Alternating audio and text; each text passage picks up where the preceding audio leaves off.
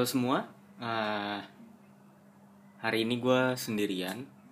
Si Aldo lagi nggak tahu ke mana. Si Jen juga lagi di rumahnya kerja. Jadi gue di sini sendiri. Uh, selamat datang di sebuah siniar, sebuah podcast dari sebuah kesebuahan yang ngebahas tentang apa pun yang gue mau lah pokoknya. ini udah episode keberapa ya? Ini episode ke ke 8 atau 9 Gue nggak ingat nanti ada di judulnya kok. Tenang aja. Uh, Karena hari ini gue sendirian Jadi gue gak tau mau bahas apa. Gue kepikiran tentang Klub buku Kapibara Itu jadi Kemarin gue di Instagram stories gue uh, Gue ngebahas tentang ada nggak yang mau uh, baca buku yang gue baca selama enam bulan terakhir? Uh, terus ada beberapa orang yang bilang tolong dong di IG storiesnya bikin gitu. Apa namanya buku yang lo baca gitu. Dan gue kan sering nge-email karena gue sering beli buku di di mana ya? Di Google Play Books gitu-gitu. Uh, ya intinya gue sering emailin ebook ke orang-orang ke teman-teman gue itu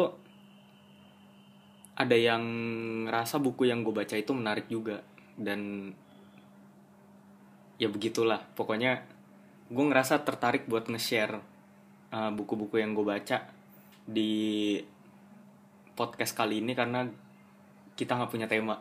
Bukan nggak punya tema sih. Gue nggak punya temen ngomong gitu uh, apa ya? Pesan sponsor lagi nggak ada karena nggak ada temen. Jadi nggak bisa ngelucu. Gitu aja. Uh, jadi kenapa gue ngerasa mesti nge-share? Karena memang beberapa buku yang gue baca itu rekomendasi dari orang lain juga dan gue merasa itu menarik dan mungkin para pendengar mau tahu buku yang gue baca apaan aja sama enam bulan terakhir ini. Nggak nggak enam bulan terakhir sih dari bulan November mungkin November tahun lalu. Mulai sering baca tapi tahun 2018 kayaknya bukunya paling banyak gue baca. Tahun ini. Tahun lalu gue baca dikit banget kayak cuma 4 atau 5 buku. Dan ada satu buku yang ngulang uh, tahun ini nggak ada buku yang ngulang dan semuanya menarik dan gue bacanya cepet banget. Jadi mungkin singkat aja sih. Uh, gue bakal ngasih 5 buku yang menurut gue menarik yang gue baca sama 6 bulan terakhir. Sebenarnya lebih dari 5 buku tapi gue ngasih 5 buku dulu buat sekarang. Karena gue nggak mau lama-lama. Uh, gue ngerekamnya juga malam dan males lama-lama. Kalau nggak ada temen ngomong gitu. Oke okay, uh, buku pertama yang gue baca tahun ini itu uh, The Subtle Art of Not Giving a Fuck. Jadi itu sih itu sebenarnya buku buat apa ya? Buku karangannya Mark Manson. Uh, bentar.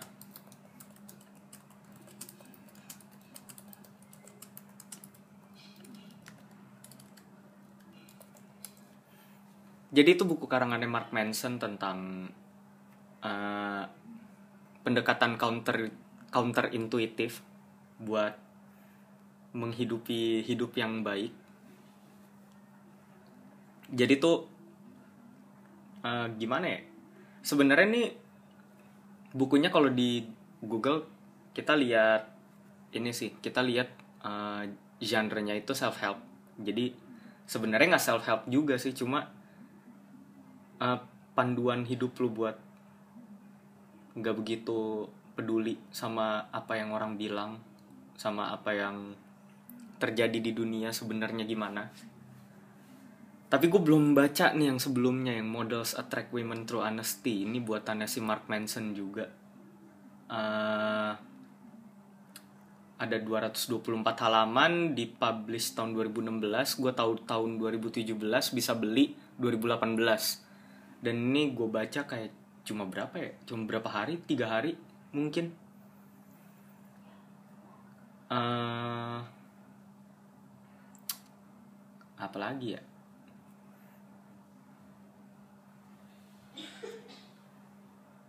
Jadi intinya buku ini isinya tentang gimana caranya lo hidup tanpa harus mempedulikan omongan orang. Itu pertama.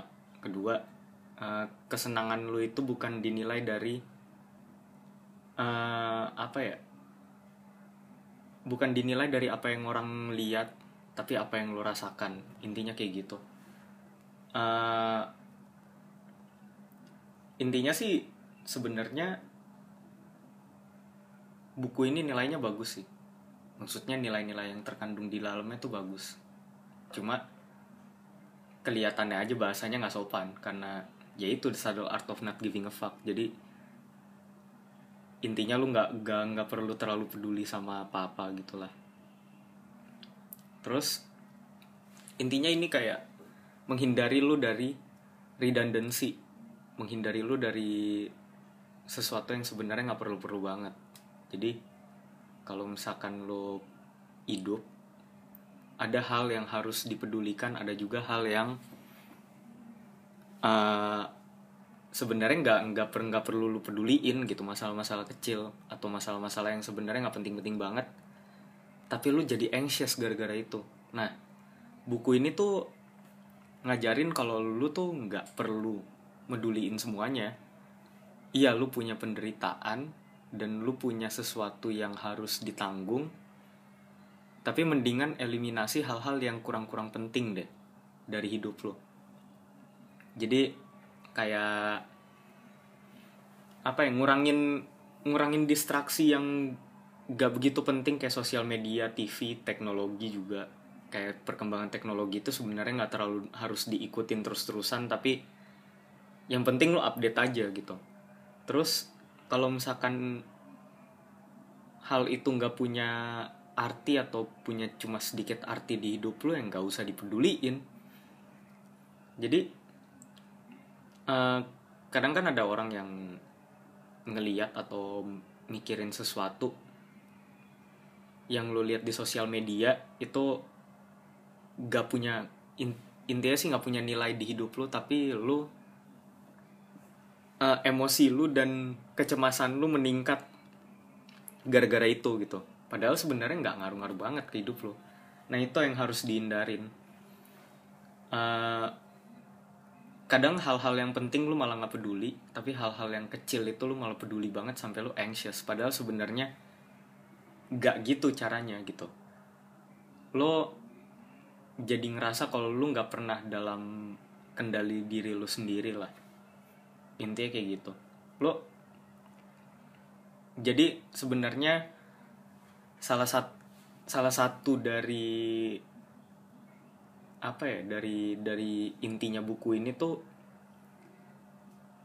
menurut menurut review menurut review Huffington Post itu dibilang si Mark Mansonnya sampai ngomong kayak ditanya sama Huffington Post dia bilang uh, think positive Terus si Mark Mansonnya bilang fuck positivity. Let's be honest. Sometimes things are fucked up and we have to live with it gitu. Jadi ya gak perlu terlalu mikir positif mulu gitu. Tapi lu harus kadang-kadang tuh lu harus tahu kalau lu harus hidup dengan negativity tersebut. Jadi lu nggak nggak usah nggak usah terlalu anxious karena lu udah tahu itu ada tapi bukan berarti lu harus mikirin itu gitu karena ya mungkin nilainya gede nilainya gede jadi pelajaran tapi bukan berarti lo harus mikirin itu terus sampai lo mau mati rasanya gitu enggak terus uh, apalagi ya?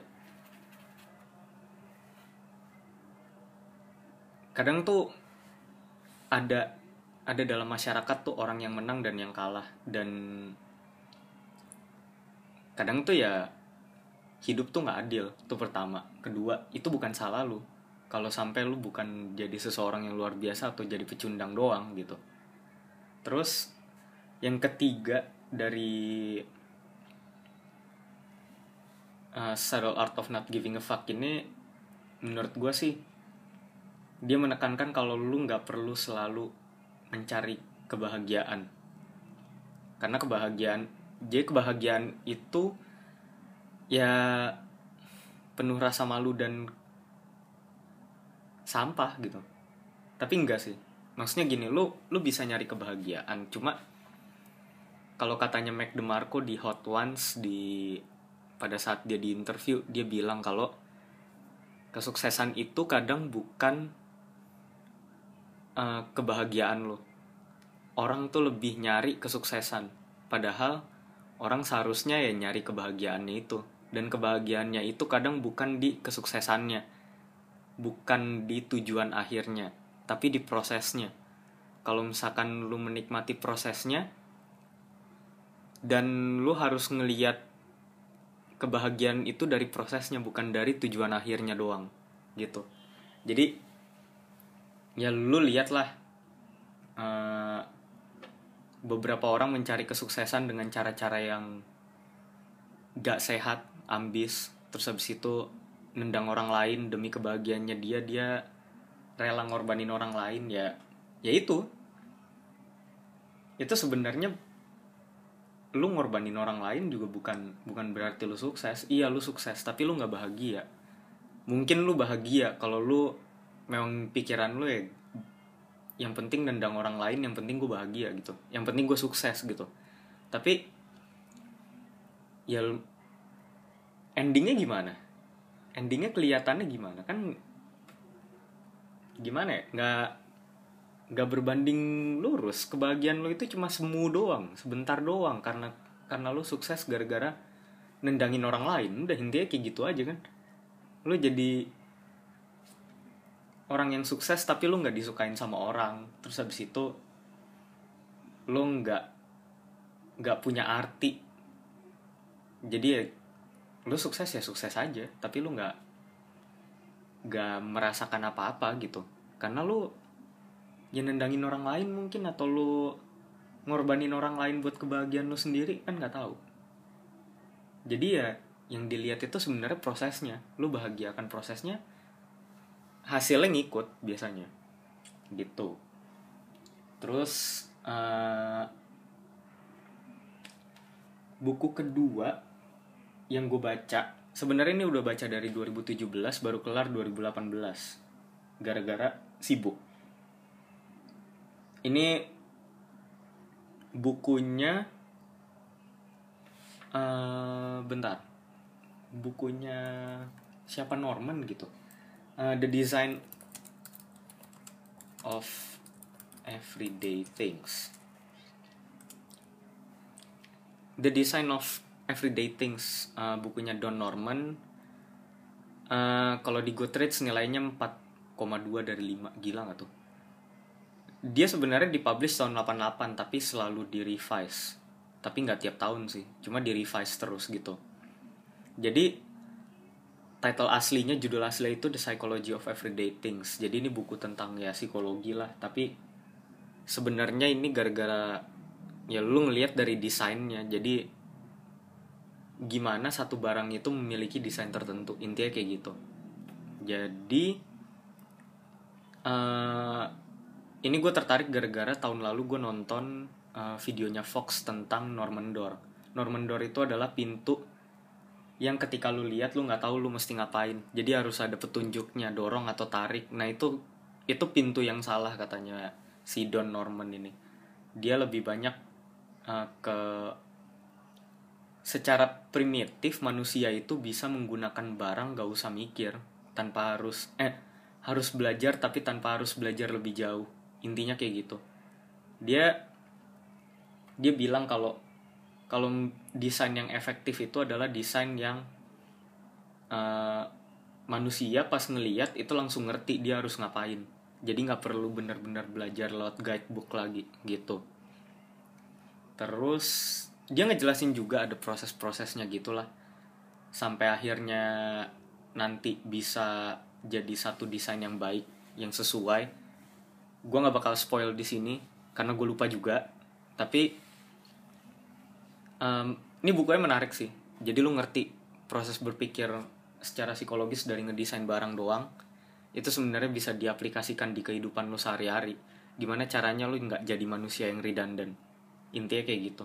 Nggak man, nggak jadi manusia yang melakukan sesuatu yang nggak perlu buat mencapai sesuatu. Susah nggak sih bahasanya? Nah, terus yang ketiga itu uh, the distracted mind. Distracted mind. Tar. The dis. Nah, jadi kalau buku yang ini di uh, distracted mind ini uh, dibikin sama Larry Rosen. Dia bareng sebenarnya sama Adam Gazzaley. Uh, Larry Rosen ini seorang psikolog gitu di Amrik. Dan Distracted Mind ini udah diangkat sama MIT juga. Dibilang salah satu buku yang berpengaruh buat uh, buat masa kini buat millennials gitu. Kenapa? Karena ini judulnya sebenarnya panjang The Distracted Mind Ancient Brains in a High Tech World. Jadi sebenarnya tuh otak manusia itu uh, primitif dan uh, sulit intinya. Jadi bukan sulit sih. Uh, complicated ribet. Tapi eh dan memerlukan proses belajar yang ribet juga. Tapi uh, manusia tuh selalu bikin device atau alat yang bikin orang tuh jadi lebih gampang. Di saat orang lebih gampang orang lebih tertarik buat bikin. Kenapa? Karena otak tuh pengennya yang gampang doang intinya mereka pengen yang simple yang gak ribet. Tapi ada juga orang yang gak kayak gitu kan gitu. Nggak semua orang. Jadi tuh uh, di buku ini sih ngejelasin intinya tuh tentang gimana sih manusia tuh udah ketagihan sama sosial media sama email sama text message virtual worlds social media gitu. Uh, intinya sih ada proses ada proses psikologisnya itu dari si Larry Rosennya terus uh, Adam Gazzaley itu neuroscientist dia ngejelasin tentang sainsnya di balik itu. Kenapa lu bisa ketagihan sama dunia yang digital itu dunia maya? Kenapa lu bisa ketagihan? Itu pertama. Kedua kenapa lu bisa uh, apa ya makin ke sini makin manja otaknya. Jadi pengennya itu yang sederhana doang nggak mau yang susah-susah lagi. Gitu. Terus uh, yang selanjutnya ini udah buku keberapa ya? Keempat. Keempat kalau nggak salah. Eh ketiga. Sekarang yang keempat. Yang keempat itu uh, by the way ini dari tadi gue kayak ngetik iya gue ngetik karena gue nyari bukunya. Bukannya gue belum baca tapi di sini cuma PDF-nya doang gitu. Jadi gue ngerasa kalau ya susah kalau misalkan buka PDF di HP terus habis itu gue mesti nyiarin podcast begini sambil ngomong karena gue ini ngerekam di iPod juga gitu. Uh, oke okay. buku keempat itu Never Eat Alone. Ini tuh intinya sih tentang personal sukses gitu gitulah tapi lewat networking sebenarnya. Yang nulis itu Kit Ferrazzi nilainya 3,8 dari 5 di Goodreads sama kayak yang tadi si Distracted Mind. Distracted Mind juga 3,8 uh, di dipublish tahun 2005 sama genrenya self help juga. Dan buku yang gue baca ini semuanya self help somehow karena gue nggak begitu suka lagi buku fiksi. Gak tau capek aja bacanya. Mendingan baca non fiction sekarang. Gak tau mungkin gue udah tua. Jadi gue harus baca yang kayak begini-begini. Uh, intinya tuh ini bukunya tentang gimana caranya lu memperbaiki uh, dunia eh, bukan dunia sih lingkungan lingkungan kerja lu dan lingkungan pokoknya lingkungan bekerja lu gitu. Kalau misalkan lu freelance kan lu punya lingkungan bekerja sendiri ya kayak gitulah. Uh, gimana caranya dengan networking lu bisa dapat sukses bisa senang bisa bahagia hidup? Cuma gara-gara lo networking dan ya ini sesuai judulnya nggak pernah makan sendiri gitu never eat alone. Jadi uh, intinya nih tentang kesuksesan tentang gimana cara lu meraih sukses dengan cara lu networking dengan orang-orang lain. Daripada lu sendirian terus mendingan lu cari networking yang bagus yang berkualitas dan akhirnya lu bisa bahu membahu berkolaborasi sama mereka buat sesuatu yang lebih baik. Bikin dampak sama manusia lain. Intinya kayak gitu uh, menurut gue ini buku yang lumayan menarik simply karena dia ngejelasin sebenarnya tuh networking itu gak berarti lo harus ambisius tapi lo lebih bagus ya buat buat berkolaborasi sama orang lain gitu. Kalau lu berkolaborasi sama orang lain tuh lu mendapatkan ide-ide dan pemikiran-pemikiran baru di mana lo jadi lebih terbuka sama ide-ide baru juga gitu. Terus intinya sih ya gimana cara lu berhubungan sama orang lain juga gitu. Jadi gimana ya uh, lo tuh bisa uh, sukses bersama orang lain karena lo berkolaborasi sama mereka, bekerja sama-sama mereka, berdiskusi sama mereka, berdebat kalau perlu berdebat kayak gitu. Jadi tuh ya kalau sekarang sih menurut gue ya bukan apa yang lo tahu, tapi siapa yang lo tahu gitu. Networking itu penting di dalam kehidupan lo, tapi networking yang berfaedah berkualitas jangan yang ampas-ampas kayak temen kuliah lu yang biasa terus habis itu lu temenan terus habis itu lu bergaul gitu aja enggak. Tapi lu harus bisa juga temen kuliah lu ini lu istilahnya bukan dieksploitasi sih tapi lu kolaborasikan pikirannya. Jadi lu bisa tahu pikiran dia tuh ide-idenya tentang apaan lu tentang apaan jadi lu bisa sharing juga ke mereka gitu. Jadi your network is your net worth kalau katanya si Ferrazzi ini menurut menurut gue sih benar gitu gak penting sebenarnya lingkaran teman pertemanan lu tuh kecil apa besar tapi lu tuh harus bisa punya network yang banyak network yang bagus. Jadi lu bisa kalau misalkan lu gagal lu bisa ke orang ke orang itu. Lu bisa minta bantuan sama mereka lu share ide lu apa nanti lu bisa kerja sama-sama mereka kolaborasi sama mereka endingnya lu bisa membuat sesuatu yang memberikan dampak sama orang lain gitu terus uh, yang kelima buku terakhir itu apa ya? Mendingan ya. Soalnya gue banyak banget nih PDF dan menurut gue semuanya menarik tapi menurut gue juga kayaknya cuma lima aja bukunya dulu. Hmm. Yang gue baca juga sih sebenarnya Search Inside Yourself sih. Search Inside Yourself itu buatannya Chait Meng Tan. Itu satu-satunya yang bukan PDF.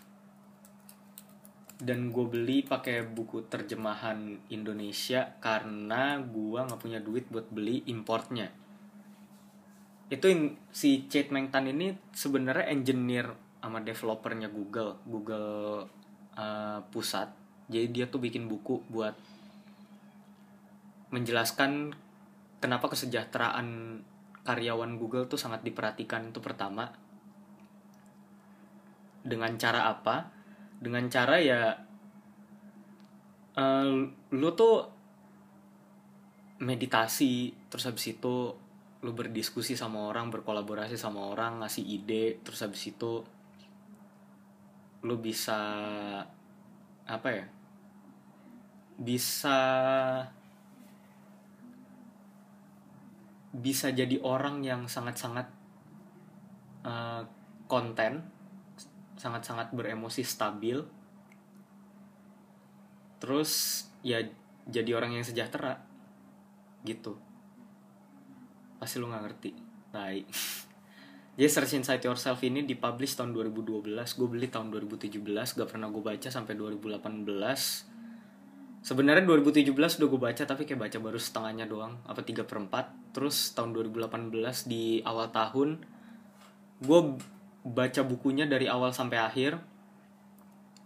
Eh, jadi intinya si Chait Meng Tan ini ngajarin tentang mindfulness, emotional intelligence, terus habis itu eh, gimana caranya lu membuat leadership training yang efektif. Intinya kayak gitu. Ya psikologi banget Eh, apalagi industri organisasi orang HR tapi si Chet Mengtannya ini sendiri itu tuh developer dulu kalau nggak salah. Developer apa engineer gitu. Eh, dia tuh ngerasa kalau kalau lu apa ya kalau lu jadi manusia yang sejahtera di kerjaan lu juga dan lu diajarin buat sejahtera dalam hidup lo ya lu bakal merasa tenang gitu. Lu bakal merasa kalau lu tuh nggak nggak apa ya lu tuh nggak sendiri. Ada orang lain yang mau bantuin terus habis itu lu ngerasa kalau beban itu nggak lu doang yang bawa. Intinya kayak gitu. Eh, terus ini tuh sebenarnya kayak training programnya si Google gitulah. Sampai ke Indonesia mungkin ada. Jadi eh, ini udah sampai ada leadership institute-nya karena ada programnya di Google. Dan sekarang jadi apa ya jadi program yang udah dikenal lah di dunia.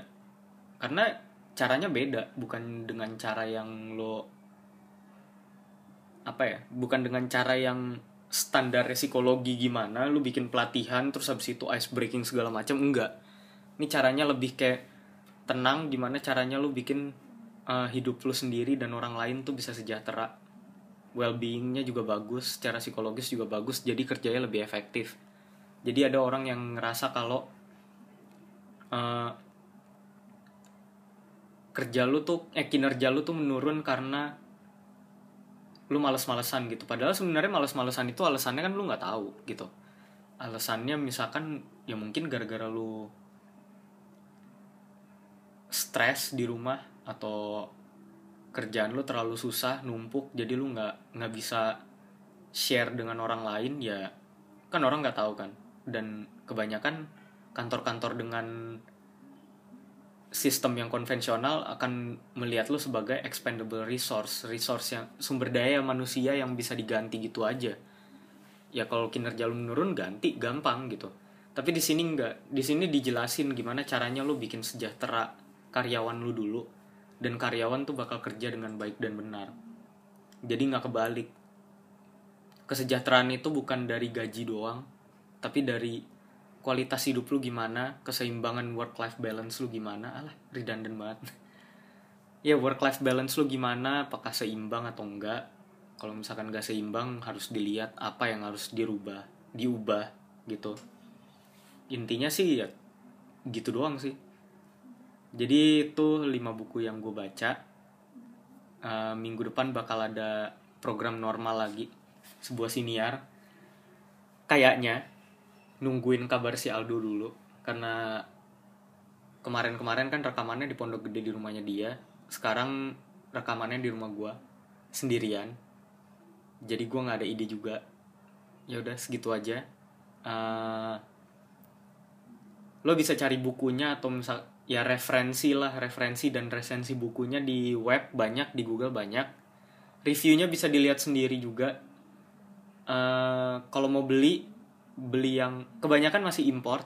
Empat buku dari lima itu import kalau nggak salah. Eh enggak Subtle Art of Not Giving a Fuck ada tapi bahasanya kurang enak. Jadi mendingan lu cari yang bahasa Inggrisnya aja daripada lu uh, baca yang terjemahan Indonesia. Kalau lu nggak ngerti bahasa Inggris belajar kagak deh. Lu ya udah beli yang terjemahan tapi nggak semuanya ada gitu. Uh, lu bisa beli di Gramedia kayaknya ada. Toko-toko buku terdekat lah. Dan toko buku import macam Periplus atau Kinokuniya ada pasti ada. Kalau nggak ada cari PDF-nya gue nggak menyarankan buat cari bajakan. Tapi beli di Google Play Books bisa beli di Kindle kalau lu punya. Atau ya udah kalau misalkan lu jahat bajak tapi jangan gitu udah segitu aja dari gua uh, episode ini terlalu kering terlalu ya ada faedahnya cuma terlalu sepi jadi ya udah segitu aja thank you udah dengerin. Uh, see you minggu depan episode selanjutnya. Ciao.